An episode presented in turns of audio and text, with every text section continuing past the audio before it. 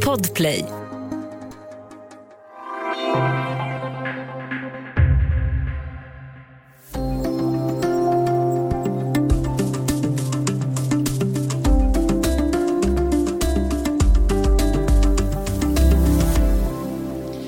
Ska manliga arvtagare kunna fortsätta få ensamrätt till gamla adliga gods och slott? Och är det rätt av våra regeringar att fortsätta medverka till att det här alternativa arvssystemet upprätthålls? En ny ansökan har aktualiserat frågan. Det här är Studio DN. Jag heter Aminata Grutt.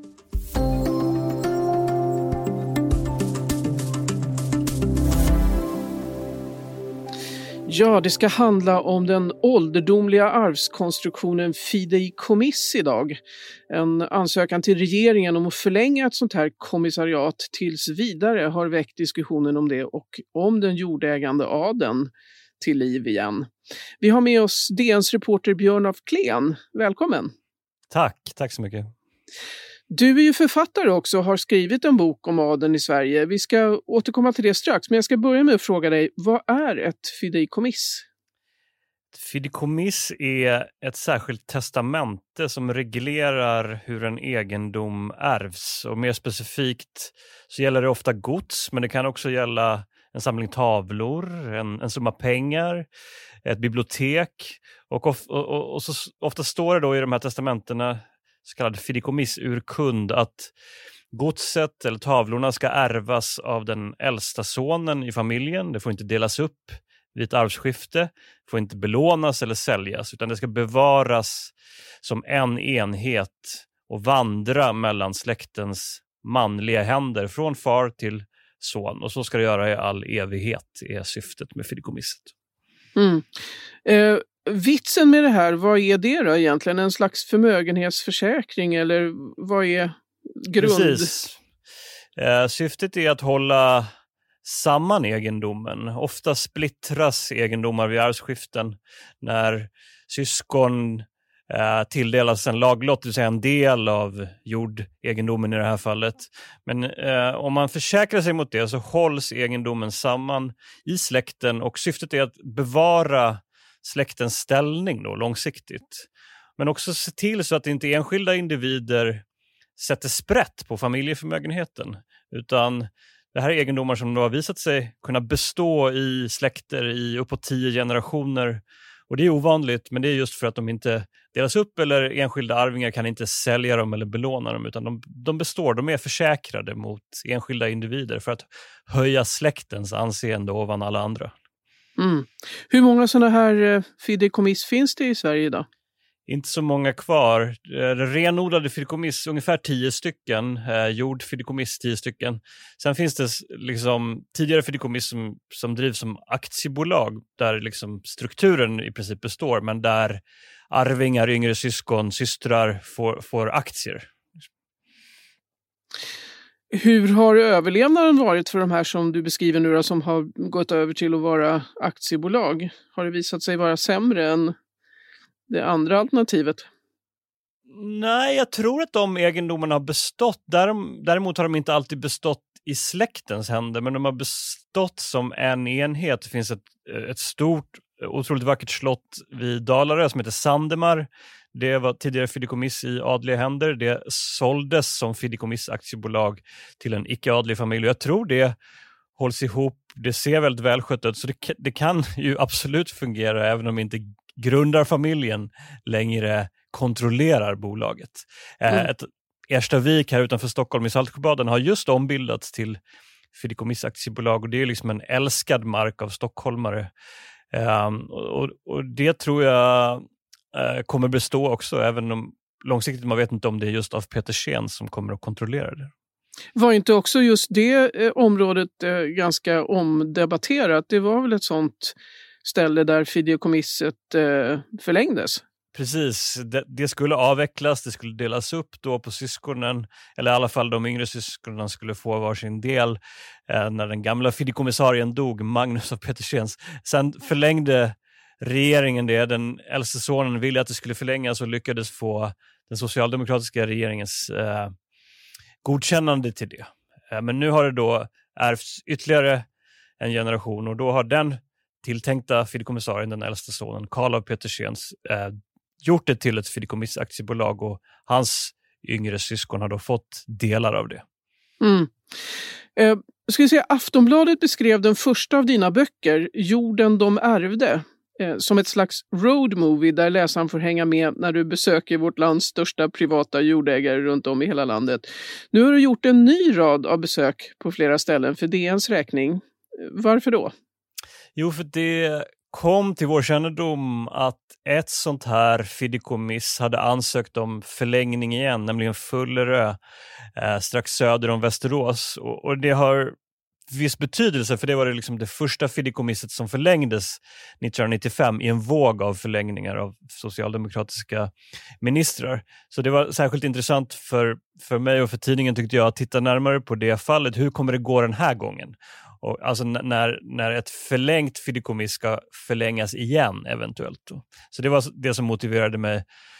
Eh, men sen också tycker jag det är spännande med, med liksom den här generationsväxlingen som har skett på vissa fideikommiss. Jag skrev i, i DN i, eh, i tisdags om eh, Övids kloster utanför Sjöbo. Där har en 43-årig fideikommissarie, Hans Rammel, han uttalar Hans Rammel, eh, tagit över.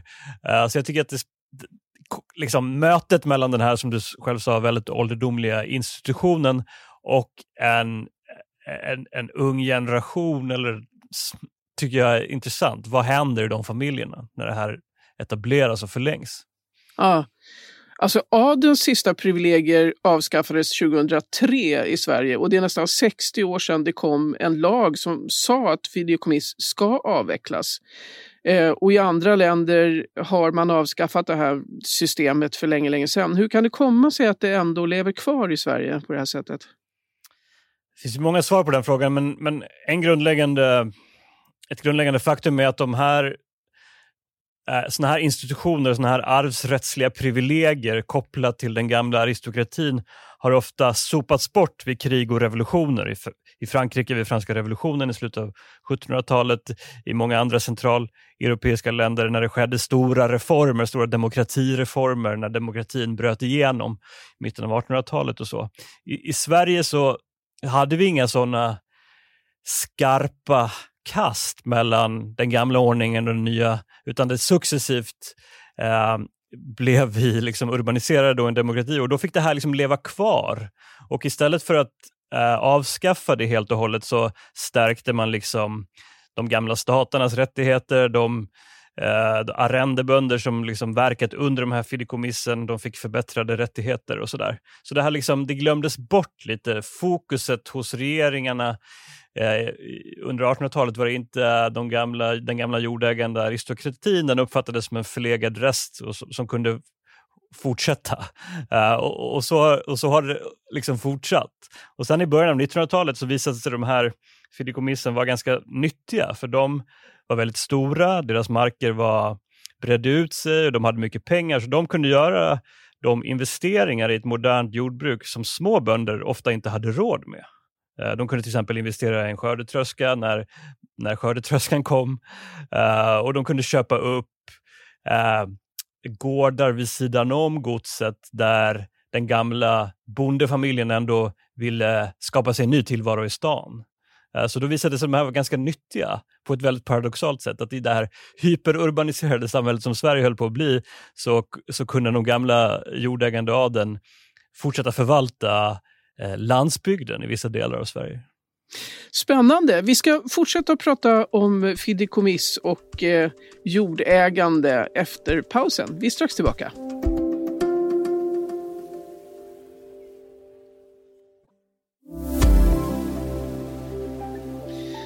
Ja, vi pratar om en gammal arvskonstruktion som kallas för fideikommiss idag i eh, Studio DN. Och vi har med oss Björn af Klen, DNs reporter, som eh, har besökt bland annat ett eh, gods som ägs av familjen Rammel. Eh, vi pratade lite grann om det här med paradoxen kring det här enormt ålderdomliga systemet och eh, den unga generationen. Eh, är, finns det någon slags fascination över livsstilen när det gäller just det här med jordägare och stora gods och så vidare. Det finns ju till och med en tidning som heter Gods och gårdar. Jag tror det finns en djup fascination för det och det, det, det golvar mig alltid hur intresserade människor faktiskt är. För det är ganska tekniskt och komplext och man kan tycka att det här är liksom ett kuriöst undantag till hur de flesta människor lever. Uh, men när man skriver om det så, så, så, väcker det känslor hos människor. Dels tror jag att det här med arv är någonting som egentligen rör alla och alla Eh, även om man inte har ett gods eller juveler så kan man sätta sig in i syskons eh, situation, hur det är att inte få ärva utan se sin bror få allt av sina föräldrars kära egendom. Det tror jag i sig är laddat och väcker känslor. Men jag tror också att hela, det finns en, för, det finns en liksom litterär förförståelse. Uh, du vet, uh, Downton Abbey, Jane Austen. Uh, människor har alltid fascinerats av livet på stora slott. Det är ett slags mikrokosmos eh, väldigt tydliga roller, romantik, eh, sociala problem och allt under samma tak.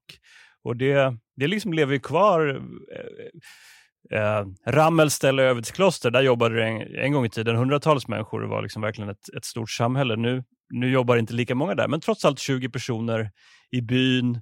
Bor eh, smedens gamla dotter kvar, eh, den gamla betjäntens barnbarn bor kvar.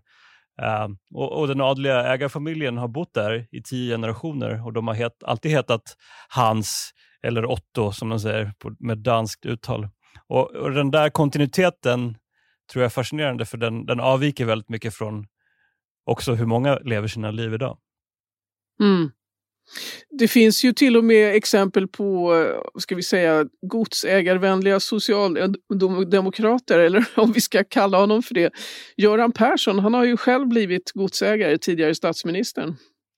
Verkligen, jag tror faktiskt det finns fog av att kalla honom godsvänlig. Han, när jag intervjuade honom då för min bok för tiotalet år sedan, då försvarade han fideikommissystemet. Han menar att det är, ett, det är ett kulturarv och fideikommiss är ett sätt att bevara kulturarv. De här gårdarna har bestått.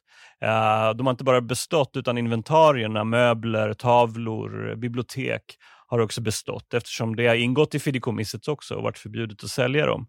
Och, och, det, och det, säger någonting om livet eh, så som det levdes för 300 år sedan. Och inte bara, om man ska försvara det, för aristokratin utan också för eh, människor som arbetade i och vid sidan om godsen. Så, så, så det finns, tycker jag, giltiga skäl för att säga att detta säger någonting om hur vi har levt och det är intressant. Sen kan man diskutera huruvida fideikommiss är den bästa lösningen för att förvalta detta. Om vi tar den här familjen Rammel som exempel igen då. Hur många personer är det som jobbar där idag och hur stor är gården? Eh, det är 17 personer som jobbar där. Mm, den absoluta merparten jobbar ju inte i slottet längre. Där skiljer sig vår generations Rammel från farfar Rammel. Där hade de, det tror jag, definitivt en butler eller en betjänt som strök eh, skjortor och putsade skor. Så den här familjen lever nog eh, ganska mycket som en villaägande familj i Lund i just den bemärkelsen. Eh, det är större då, det är 14 rum på korridoren, i, i korridoren på andra plan där man lever. Eh, men, men, men godsherren Hans Rammel som är 43, han är ju också väldigt mycket en lantbrukare. Uh, ha, ha, när, när jag var där så gick vi igenom uh, kostallet och då hjälpte han en anställd som hade problem med att låta en nyfödd kalv hitta sin, sin mammas benar. Uh, eh, och han, han är utbildad uh, delvis som, som lantbrukare. Han är ordförande för LRF Skåne. Så han, han är liksom mycket mer generellt nära driften än vad hans tidigare, än vad hans förfäder var. Som någon slags storbonde alltså, eller? Ja, väldigt mycket som en storbonde, men med den här historien. Med den aristokratiska historien och självförst självförståelsen. Och, eh, att, man också, att kyrkan i byn ingår i fideikommisset. Och, och, och överallt påminner man, påminner man ju om eh, Rammels historiska betydelse. Under 1700-talet var det Skånes rikaste och, mest betydelsefulla släkt. Så det är klart att det också betyder någonting. Sen är det inte alltid så lätt att säga exakt vad, men, eh, eh men, men, deras ställning är väldigt stark i den här delen av Sverige. Liksom. Mm. Och man kan gissa att det kanske är på liknande sätt eh, på de övriga platser där det finns fideikommiss, då, om det är tio stycken som är kvar.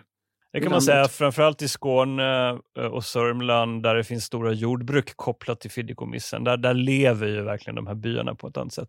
Det, det vi skrev om i vår första artikel, Fullare utanför Västerås, det är ett mycket mindre fideikommiss. Där är själva slottet mer centrum. Där handlar det om att bevara interiörer och kulturarv.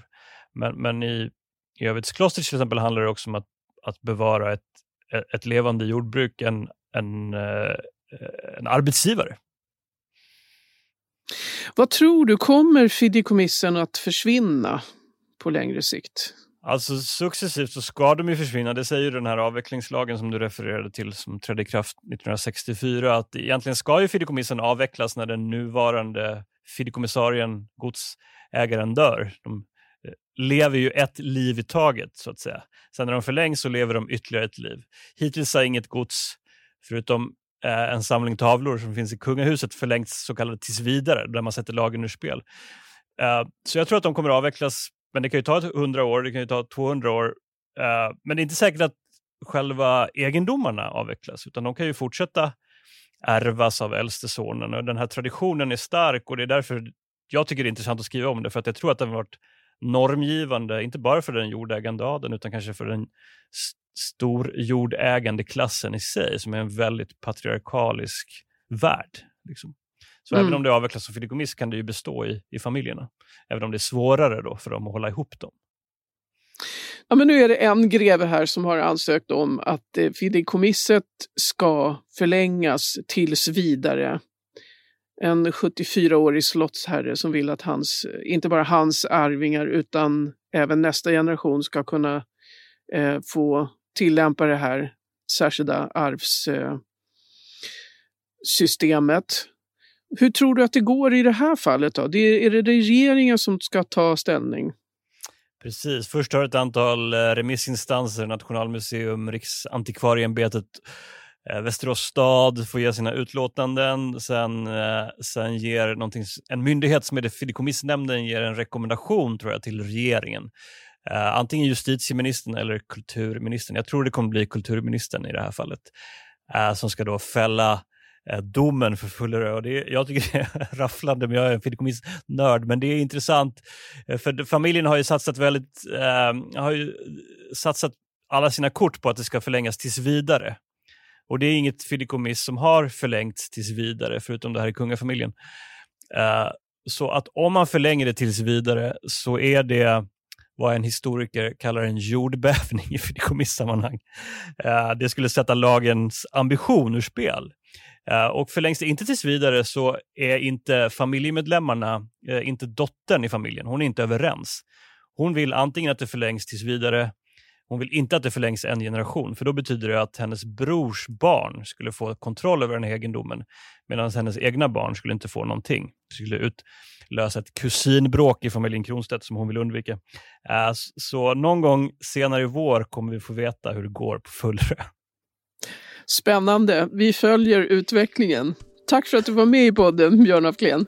Tack. Studio DN görs för Podplay av producent Sabina Marmelakai, exekutiv producent Augustin Erba, ljudtekniker Patrik Miesenberger, teknik Jonas Lindskog, Bauer Media och jag heter Aminata Grutt.